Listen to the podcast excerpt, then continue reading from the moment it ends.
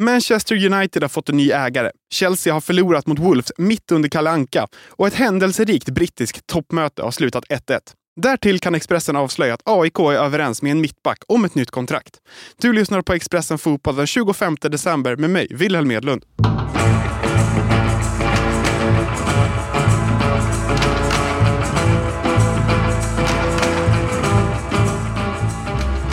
Vi börjar i Premier League och i Liverpool och toppmötet mellan Liverpool och Arsenal. Tack vare ett tidigt frisparksmål tog Arsenal ledningen genom mittbacken Gabriel.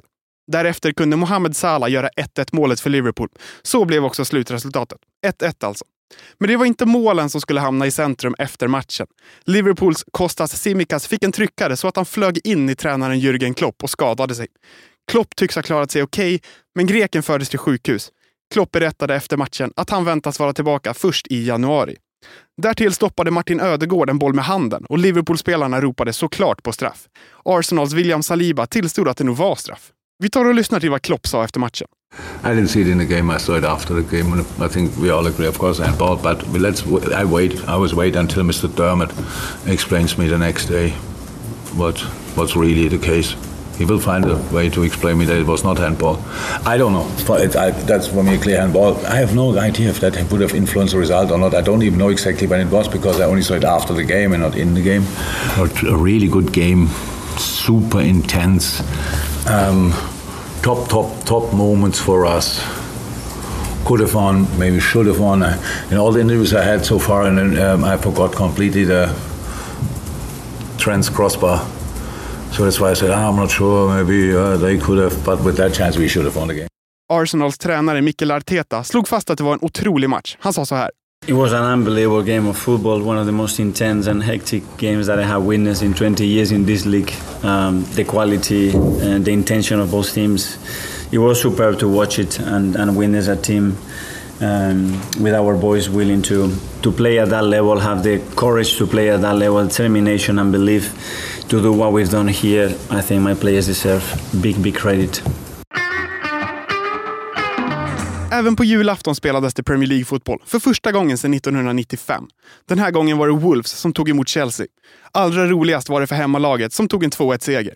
Chelsea å sin sida kan glädjas åt att Christopher Nkunku, som har varit borta med skador långa delar av säsongen, gjorde sitt första Premier League-mål.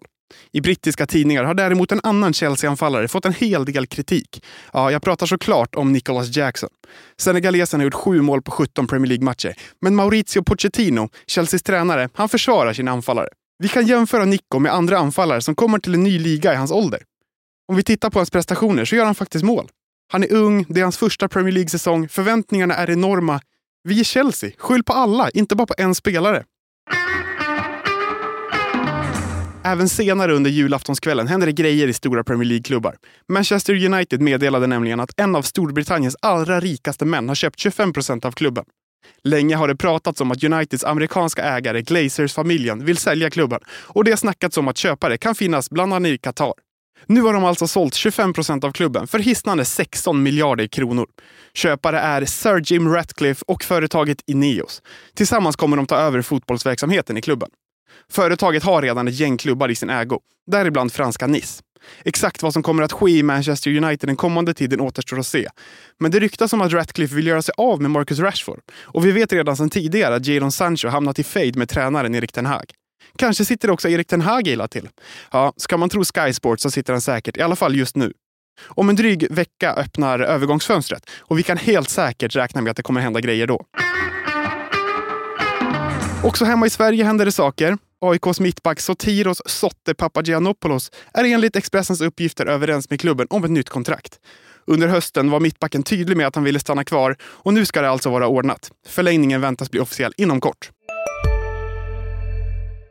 Välkommen till Coolbet där spänningen aldrig tar slut och underhållningen står i centrum. Här får du inte bara Sveriges bästa fotbollsodds. Du får också en spelupplevelse som är rättvis, transparent och framförallt rolig. För oss handlar det om mer än bara spel. Det handlar om att ta en paus, att våga chansa och att kanske vinna stort. Det oväntade gör varje ögonblick unikt. För dig över 18 år, stödlinjen.se.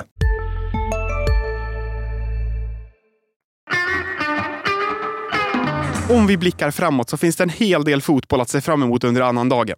Matcher som Newcastle-Nottingham, Isak mot Elanga, Liverpool gästar Burnley och vill återta den där serieledningen. Och Manchester United spelar mot Aston Villa, som kan leda Premier League när annandagen är slut. För finsmakaren finns det också högerklassig Championship-fotboll att se på. Leicester, som leder ligan, ställs mot tabelltvåan Ipswich. Ja, ni hör ju, det finns saker att göra även imorgon i form av att titta på fotboll. Expressen Fotboll är tillbaka med ett nytt avsnitt imorgon. Tack för att ni har lyssnat och god jul!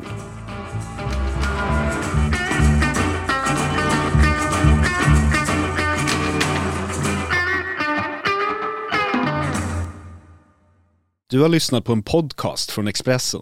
Ansvarig utgivare Klas Granström. Hej, Ulf Kristersson här. På många sätt är det en mörk tid vi lever i. Men nu tar vi ett stort steg för att göra Sverige till en tryggare och säkrare plats. Sverige är nu medlem i Nato. En för alla, alla för en. Hej, Synoptik här. Hos oss får du hjälp med att ta hand om din ögonhälsa.